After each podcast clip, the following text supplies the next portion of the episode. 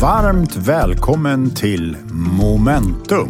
En podd som bygger på boken med samma namn. Och efter ett uppehåll så är vi nu äntligen tillbaka med en podd som ju handlar om hur världen, hur livet ser ut efter den trisse kris vi nu befinner oss i. Alltså pandemi, klimatkris och krig. Och den är gjord av mig, Kjell A Nordström. Och mig, Per Schlingman. Vi ska också konstatera att den här podden är samproducerad ihop med bokförlaget Volante och några samarbetspartners. Som vi tackar särskilt TV4 och Diös Fastigheter. Så här, det har ju varit ett litet uppehåll mm. och eh, det har ju varit ett väldigt händelserikt uppehåll för oss i alla fall. Jag tror för ganska många. Vi släppte ju boken då med samma namn Momentum i slutet av augusti mm. Eh, och eh, det har ju varit en otroligt spännande och intensiv höst.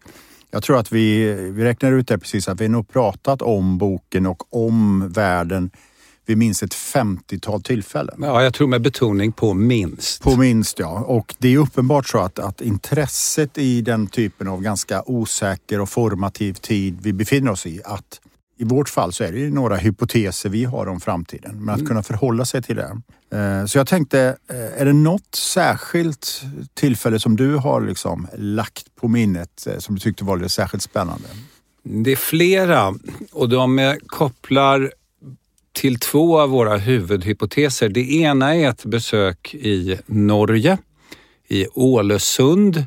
Och just den här lilla platsen Ålesund längs med den norska kusten är ett slags the fish valley of the world, om man nu kan uttrycka det på det sättet. Det vill säga här finns en förtätning med avseende på teknologi, människor, utbildning och företag kring fiskodling. Och rimligtvis fisk. Och därmed fisk. Och det man kunde se på det här korta besöket, jag är där i två dagar, är hur nu fiskodling återuppfinns. Det har ju inte varit hållbart av en mängd olika skäl och nu flyttar till exempel fiskodlingar upp på land i gigantiska anläggningar i storlek med en ordinär flygplats, typ Arlanda, där man alltså odlar fisk under mer kontrollerade omständigheter än när man är ute i havet. Och här är det i likhet med de investeringar som vi har sett till exempel runt Northvolt, frågan om att bygga hela industriella kluster å ena sidan. Å andra sidan så är det fråga om investeringar i ungefär samma klass som i de här batterifabrikerna. Det är enorma anläggningar som nu eh, planeras för att lösa proteinbehovet egentligen. Mm, och som väl skärper det här att vi verkligen befinner oss i en tid med stora förändringar. Det är inte bara en parentes utan nu sker det saker och ting som i grunden förändrar vårt sätt att vara, tjäna pengar, hur vi lever. Ja, och igen så hittar vi det här som du och jag spanade på relativt tidigt att branscher nu börjar använda hållbarhet som en konkurrensparameter på ett väldigt tydligt sätt. Och den här branschen eh, gör det och det är Norden och det är Norge som är spetsen på pilen som går först i mm. världen. Spännande. Jag eh, tycker ofta det är roligt när man är ute och pratar om boken och den här typen av frågor att man ibland också så märker man att det går att omvandla den här spaningen om världen och hållbarhet och ledarskap och så till någonting som är väldigt direkt. Och eh, om du var då i, i Norge så var jag i, eh, på Gotland. Eh, det blir ganska mycket Gotland för vi båda är ju sommargotlänningar eller vinterfastlänningar, vad vi kallar det för. Men där träffade jag besöksnäringen, alltså en rad olika företag som är ofta ganska små, som finns på hela ön. Och det intressanta är ju att det är klart att det finns väldigt mycket osäkerhet kring vad händer 2023? Hur kommer sommarsäsongen se ut och sådär? Men om man läser momentum och om man tänker sig att vi tar det som en hypotes att det stämmer så blir det ganska tydligt att man kan se en del mönster framöver. Hur turistströmmarna ser ut. Färre turister, rimligtvis från Kina, från Ryssland. Även här ser vi att hållbarhet blir viktigare. Och vi ser inte minst det vi också pratar ganska mycket om kring städer, att det lokala blir mycket viktigare. Så det tycker jag är väldigt roligt det där när man pratar om det och det går från att vara liksom bara en makroberättelse som i och för sig är spännande och rolig. Men det blir till någonting som man också ser att det här skulle på det här och det här sättet kunna påverka min vardag. Och då blir det ju till ett scenario. Man utgår från den här världen så blir det ett scenario och då kan man börja förhålla sig till det. tycker jag är väldigt, väldigt kul. Och Gotland hade ett rekord redan förra året, är det inte så? Mm. Eller den här säsongen om man uttrycker sig så. gick väldigt, väldigt bra. Eh, så att, eh, och jag skulle säga att det är roliga också att vi har ju sagt att vi är oroliga optimister. Mm. Och det, det tyckte jag man kunde känna i det rummet där och jag tycker man generellt kan känna det. Jag tycker att det är ganska likt pandemin. Om du minns när den kom i början så såg ju alla bara skog och osäkerhet och dimma. Medan det förbyttes mot viss optimism där man börjar känna att spelplanen börjar bli lite, lite tydligare.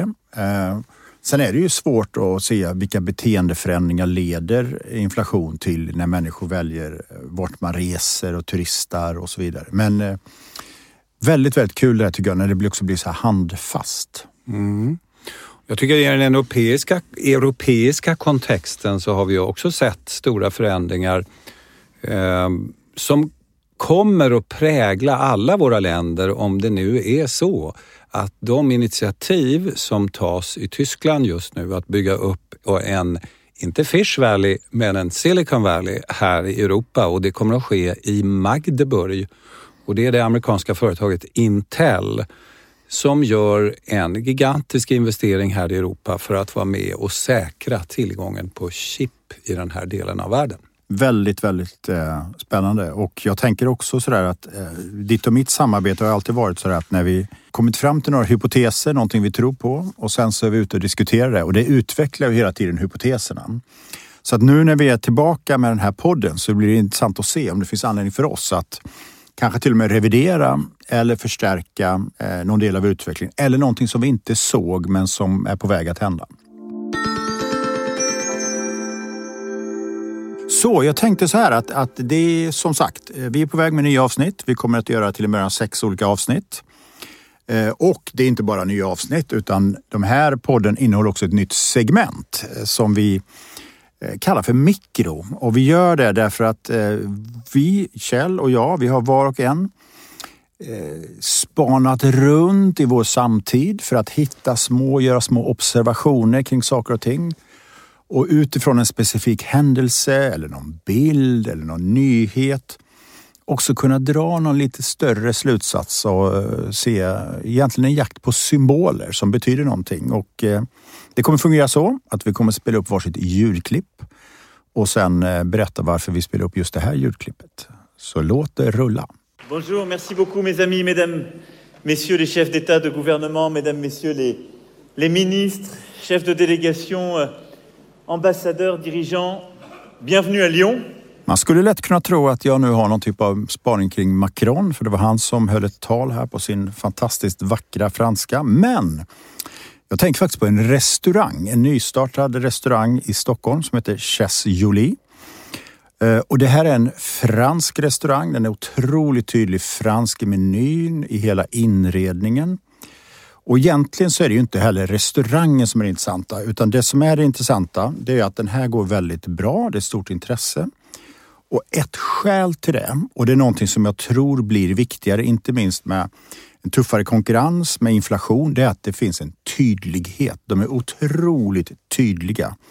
Vi är en fransk restaurang. Det syns på menyn, det syns i liksom miljön.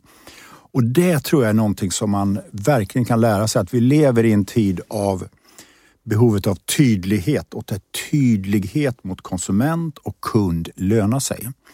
Nu ser vi som en följd av det här polarisering att budget och lyx växer. Och om man tittar på det vi kallar budget, alltså allt ifrån Ryanair till eh, Rusta, så är det också så att de här varumärkena är också de som har bland högsta kundnöjdheten. Och då kan man fråga sig varför. Jag tror att det handlar om tydlighet. Vad man har för förväntningar. Ryanair är väldigt tydliga på att vi ska inte ha för höga förväntningar. Vi fraktar människor från A till B. Punkt. Det är som ett kontrakt kan man säga. Ja, men det är som att åka buss. Inga lounger, ingen kundservice. Och eftersom de har det så lyckas de hela tiden skapa, ha en väldigt hög kundnöjdhet. Och jag tror att alla företag som är någonstans mitt emellan, som är lite otydliga, där vi inte vet vad vi ska förvänta oss. Risken är att, vi kommer att de kommer att underträffa våra förväntningar. Så tydligare och tydligare kontrakt om jag förstår Tydligare det rätt. kontrakt, tydligare ledarskap. Vi ska faktiskt Mm. komma in på det lite grann senare. Men eh, från Macron till tydlighet. Kjell, ska du spela upp ditt klipp? Ja, vi har ett litet klipp här. Vi låter det rulla. Sweden tops the charts for several reasons.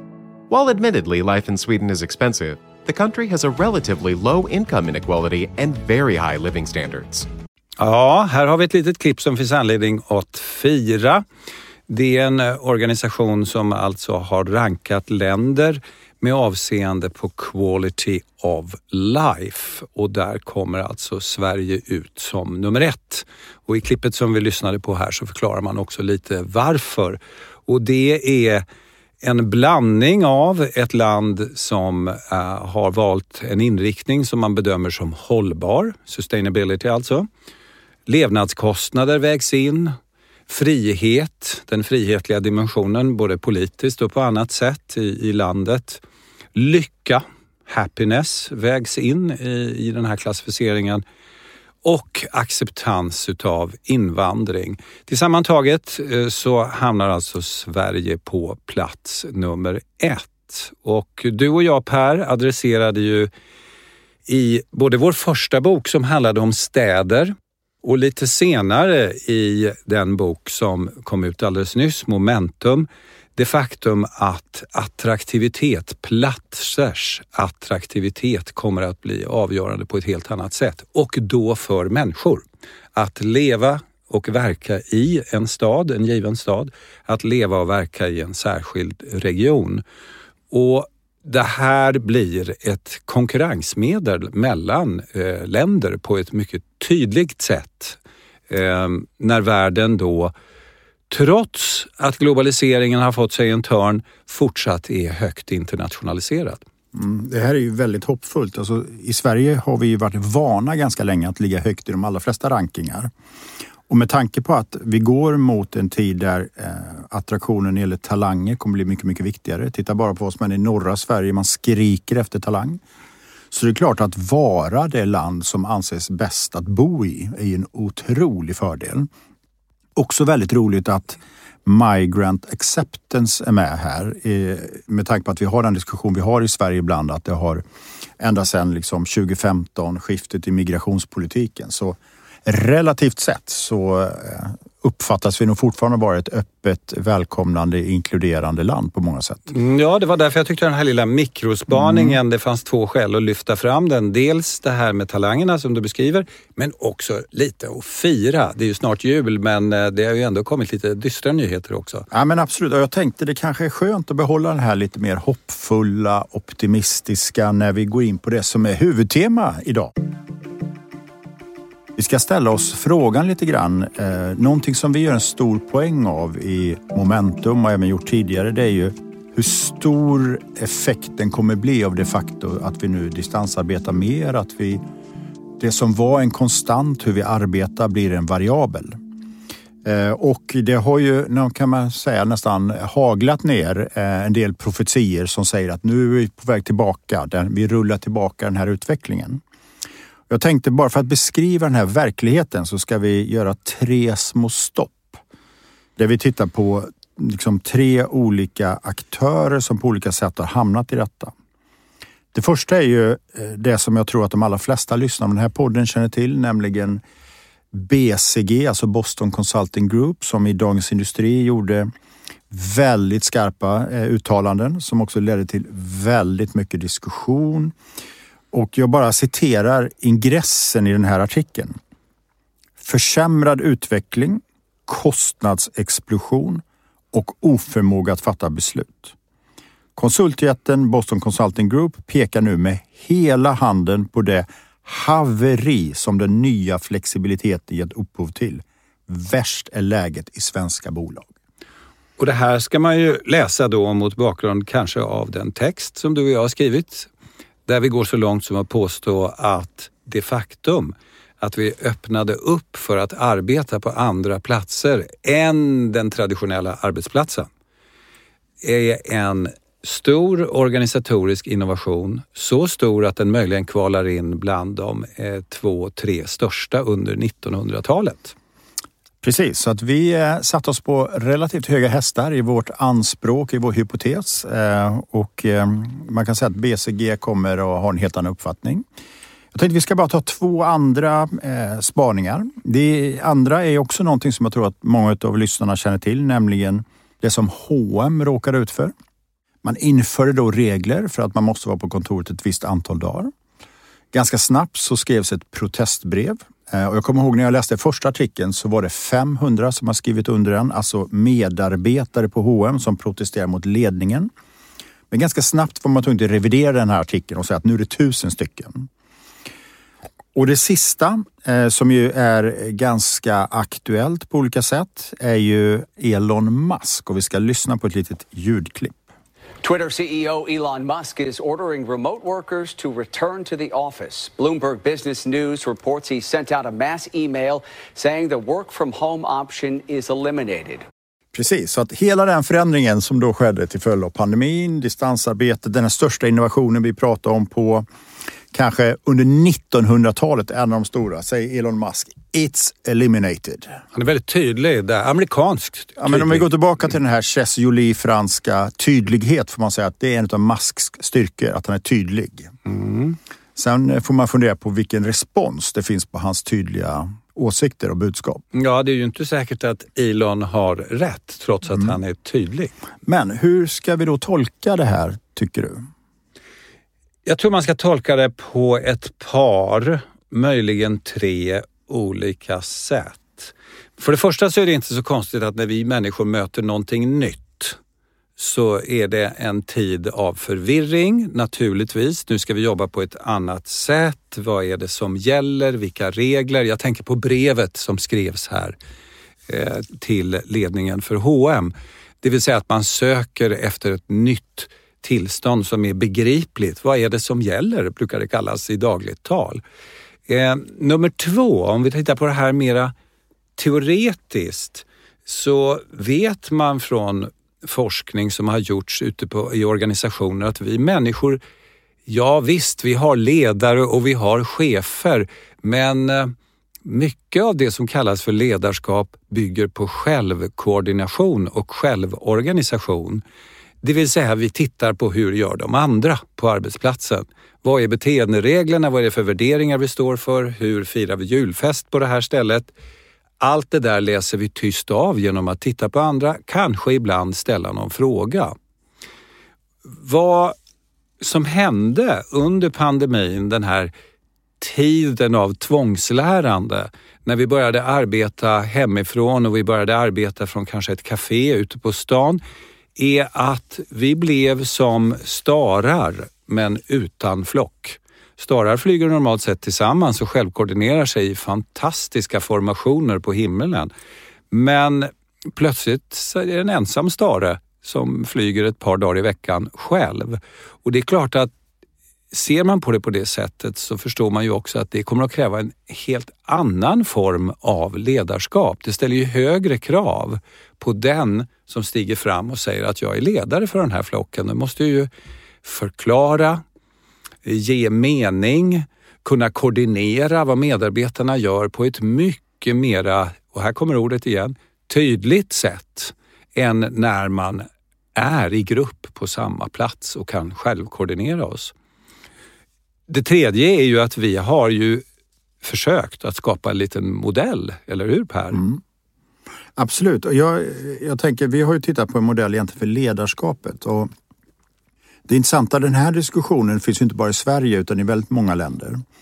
Och eh, jag såg ett inslag på Bloomberg där de intervjuade McKinsey som var väldigt intressant. För de sa så här att det stora problemet då, det är det många som har gått från en total lockdown där man under lång tid har jobbat ofta hemifrån. Så kommer man tillbaka till kontoret och då säger de så här, vi har three days a week eller four days a week och stöter på ganska mycket patrull och deras slutsats var att problemet är att om medarbetare kommer tillbaka till kontoret, långa pendlingstider och man gör exakt samma sak på kontoret som man gjorde hemma, då blir det ett problem. Så jag tror att problemet här, eller utmaningen lite grann, det är att vi betraktar distansarbetet som en solitär och tänker oss att okej, okay, nu går vi från att alla jobbar på en arbetsplats till att införa den här rumsliga dimensionen, men allt annat lika. Och det är klart att om allt annat är lika så är det klart att det blir trubbel. Man förlorar kontroll och det finns massa aspekter på detta. Jag ser ju distansarbetet och det är därför också som vi så tydligt kopplar ihop det med ledarskap som en del av en större helhet. Eh, om man tillåter distansarbete, om man har en proaktiv syn på det, om man vill ha ut vinsterna av det, då måste man också inse att det får konsekvenser på andra håll. Framförallt ledarskap. Jag skulle också vilja säga att det kräver också att man värderar upp själva medarbetarskapet. Tilliten blir viktigare, kanske till och med tillitskontrakt. Men som du nämnde då så har vi, vi utvecklat en egen modell och konstaterar väl egentligen att för att få ut vinsterna av distansarbete och för att därmed också kunna vara attraktiv bland talanger så är det egentligen tre dimensioner vi konstaterar som är viktiga. Det första är ju att ledarskapet måste vara mycket mer kommunikativt, peka ut en riktning. Så att även om man är en stare utan flock så ser man i ledarskapet, man vet var man vill vara på väg. Det andra är ju som en paradox här som vi konstaterar, det är ju struktur. Det kräver ju mycket mer struktur. Om vi inte mm. kan själva organisera oss och titta på varandra och lösa problem i rummet måste vi ha strukturer som är förutsebara så man inser att när kan man själv spela in någonting i helheten. Därför att annars blir man, och det har vi ju skojat om ganska ofta, annars så får vi liksom organisationer där alla är sitt eget sugrör. Man vet vad man själv gör, men man vet inte vad någon annan gör. Och det sista är också empati. Det krävs ett mer empatiskt ledarskap. Ett ledarskap som ser människor, även om man inte är i samma rum, som ser vilka människor kan växa. Man ser när människor kanske inte mår bra. Och Vad vi skapar då, det är att vi skapar kan man säga, en tankemodell som vi kallar för testmodellen. Som egentligen handlar om det här att man måste testa sig fram för att hitta sitt sätt att agera i detta, en stor innovation. Och test är då, eh, står ju då för ett antal saker. Eh, som det står just för det här med tillit, empati, syfte och sista T är? Tydlighet. Och tydlighet, det är ju ingenting nytt utan det har vi pratat om flera gånger här och kanske är det så att just tydlighet är någonting som blir allt viktigare i hela samhället. Både som vi pratade om i början mot konsumenter och kunder men inte minst i ledarskapet. Och är det någonstans där man möjligtvis ska ge BCG lite rätt så är det att de pekar ju på vissa risker med den här konsensuskulturen och det är klart att med en förändrat, ett förändrat arbetsliv så kanske svenskt ledarskap, eh, vi måste kunna komplettera vår konsensuskultur med att också fatta tydliga beslut. Jag vet att du brukar ju skämta någon gång här ibland om att amerikaner som kommer till Sverige, så sitter man i möten eh, och sen så är amerikanen ganska van vid att okej, okay, nu bestämmer vi någonting på det mötet. Men en svensk chef säger så här, då säger vi så och sen lämnar man rummet. Och amerikaner undrar ofta, vad är det vi säger? Precis, då säger vi, vi säger så. Och här tror jag att det finns någonting, så jag tror att i alla de här dimensionerna, tillit, det är någonting vi har som är starkt i Sverige, att verkligen vårda det och kanske förstärka det här tillitskontraktet, empati. Syfte handlar om den här riktningen och tydlighet, att våga fatta tydliga beslut, att göra det tydligt. Och om man har det här som en tankeram och sen utgår man från, okej, okay, vad är det för policy? Hur vill vi förhålla oss till eh, liksom distansarbete eller remote work? Så, så tror jag att man hittar vägar som visar att för att vi ska lyckas så måste vi göra någonting mer. Och jag tycker att det kan man ju antingen göra genom att bejaka eh, distansarbete, förstärka ledarskapet. Eller så kan man tänka sig att hos oss så jobbar vi alla på kontoret, men då måste man skapa väldig attraktion på kontoret och visa och kommunicera varför vi gör det. Det är väldigt intressant det du säger Per, därför att det här skulle ju då förklara den här sista lilla meningen i det du läste från Dagens Industri, alltså Boston Consulting Groups reflektioner. Värst är läget i svenska bolag. Och skälet till detta skulle helt enkelt kunna vara att här har konsensuskulturen varit mest utbredd av de länder som de har studerat Och konsensuskultur förutsätter ju att man kan eh, så att säga se de andra, läsa av situationen och veta när det är dags att säga, då säger vi så. Ja, men absolut, det går lite långsammare, men fördelen är att alla är oftare med på båten.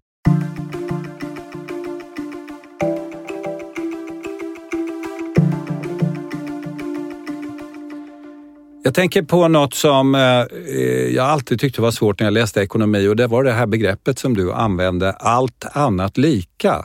Eftersom i min värld så är det väldigt sällan det är lika. Mycket, alltid. mycket sällan. Det är väldigt mycket, sällan. Mycket sällan.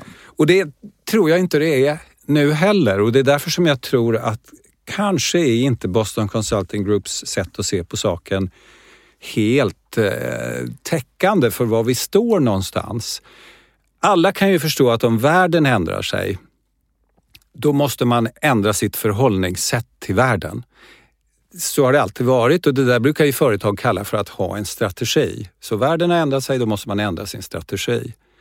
Men om man ändrar sin strategi så upptäcker man ju efter ett tag att då måste vi ändra vår organisation så att den matchar strategin för annars så blir det, fungerar ju inte det här något bra. Så strategin påverkar strukturen på ett företag eller en organisation. Det behöver inte vara ett företag, det kan vara en organisation. Men om man börjar greja med sin organisation, då får man ofta ändra alla systemen så att den också matchar den nya strukturen. Vad jag tror har hänt den här gången var att det började i en annan ände. Vi blev tvungna att ändra våra system och vår struktur. Och när man ändrar i systemen och strukturen så kommer det att tvinga oss också att påverka inriktningen på verksamheten i stort, det vill säga strategin. Och innan vi har gjort det så får man en tid av mismatch. Det gnisslar, det ser ut som vi har ineffektiviteter, vi får haverier på vissa områden. Vi har helt enkelt inte fullt ut ännu ställt om och det är det jag tror Boston Consulting Group har fångat. Jag tror absolut att det stämmer. Det som jag tycker är riktigt intressant nu, det är egentligen två krafter som står emot varandra delvis. För det ena är ju det här som du säger att, att nu händer någonting med vårt sätt att organisera och det har inte, vi har inte riktigt dragit slutsatsen hur vi ställer om. Men det andra är ju att vi är så vana vid att drivkraften i alla de här förändringarna är ägarna, är ledningar. Men det vi ser nu är drivkraften, titta på H&M, det är plötsligt talangerna talangerna förväntar sig förändring. Eh, vi har pratat om det tidigare, inte minst unga högutbildade kvinnor värdesätter flexibilitet väldigt högt. Så det är klart att här måste man balansera eh, olika dimensioner och i hela diskussionen som följde efter den här BCG-rapporten så var det väldigt många som också konstaterade att man måste också se andra konsekvenser. Du måste ha ett mycket mer holistiskt perspektiv. Hur påverkar detta välmående? Hur påverkar detta attraktion? Eh, så jag tror att, att det, är en ganska, det är ganska förväntat. Eh, och jag tycker att det är väldigt positivt på det sättet också att det här liksom blixtbelyser också behovet av att utveckla ledarskapet. Och det här eh, kanske vi ska begrava idén om allt annat lika.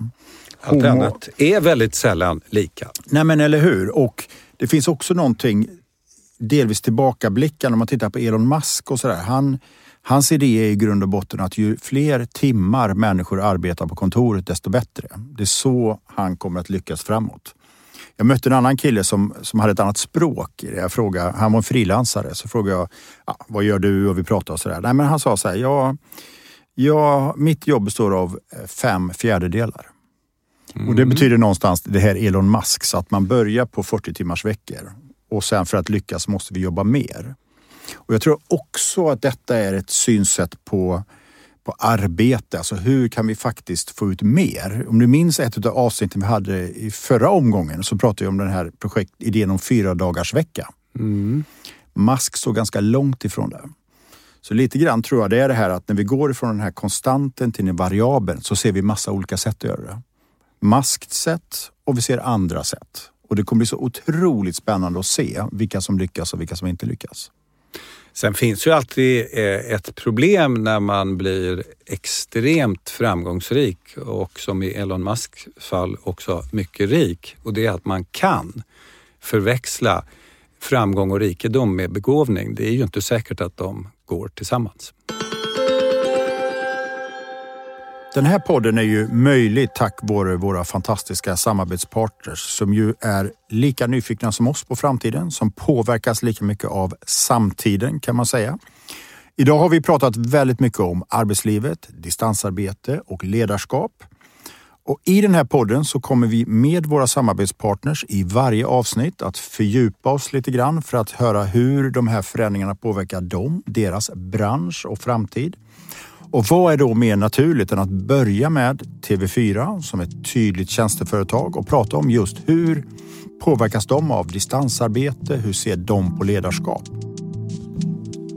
Hej och välkommen Malin!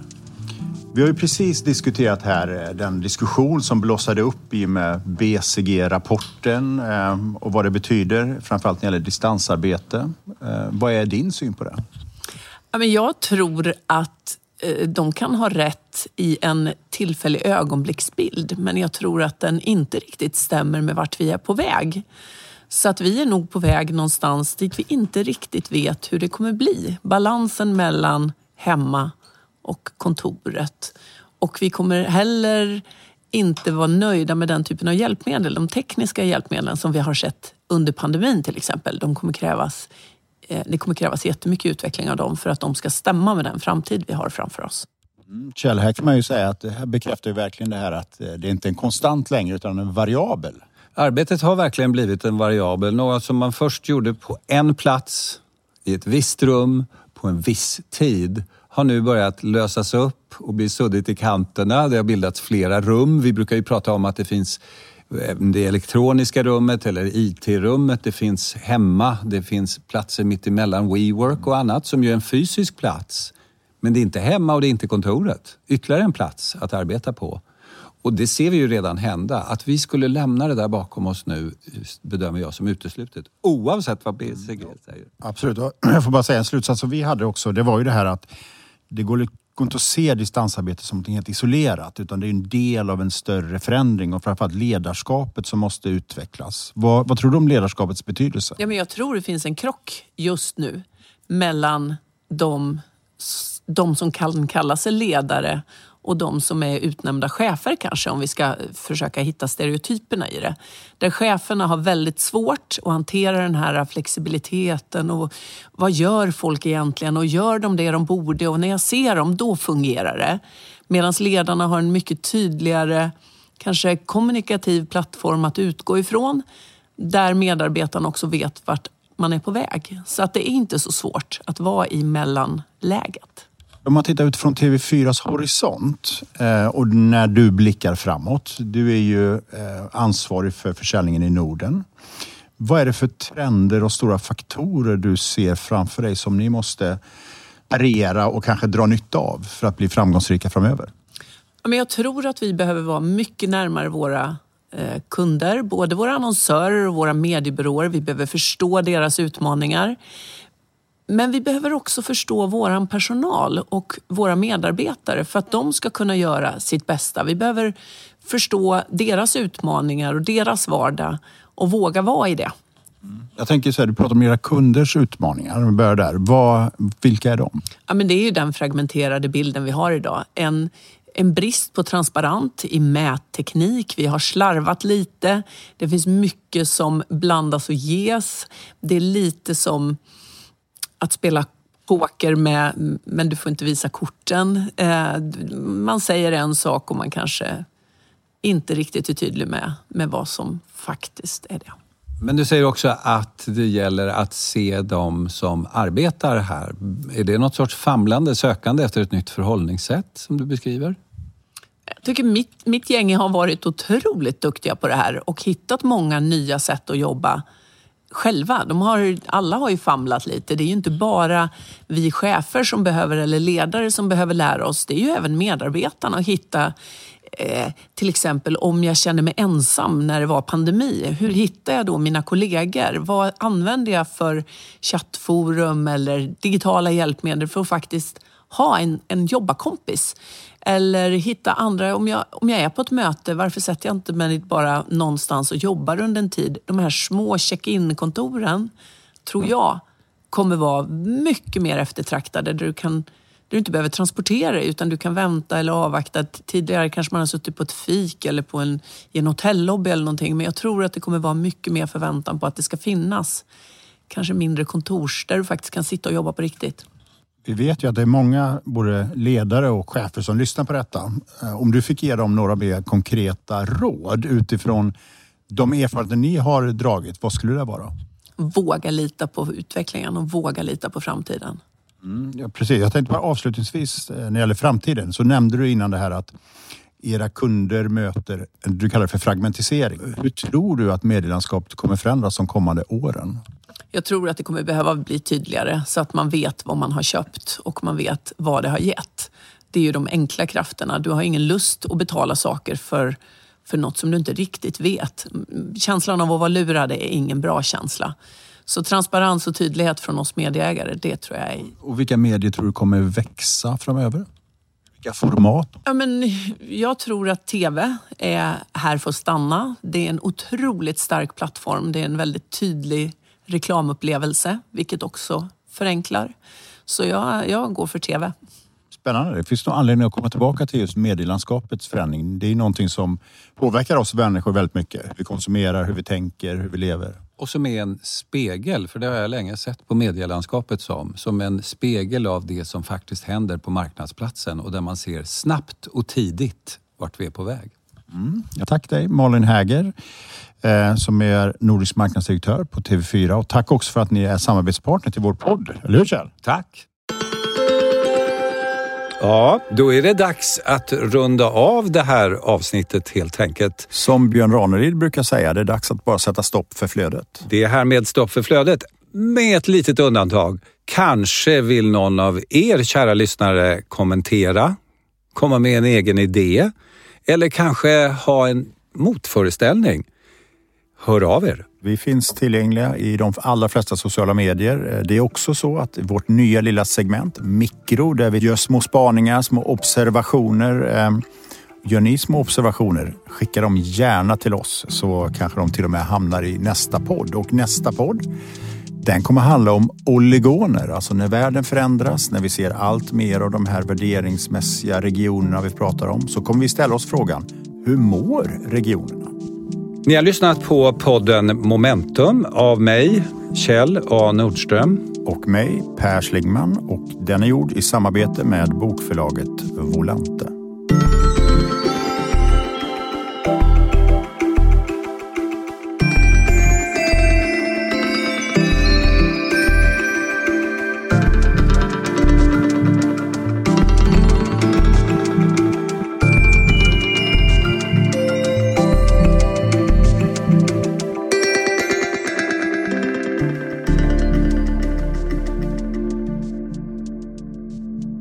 Här programmet görs på Beppo. Beppo.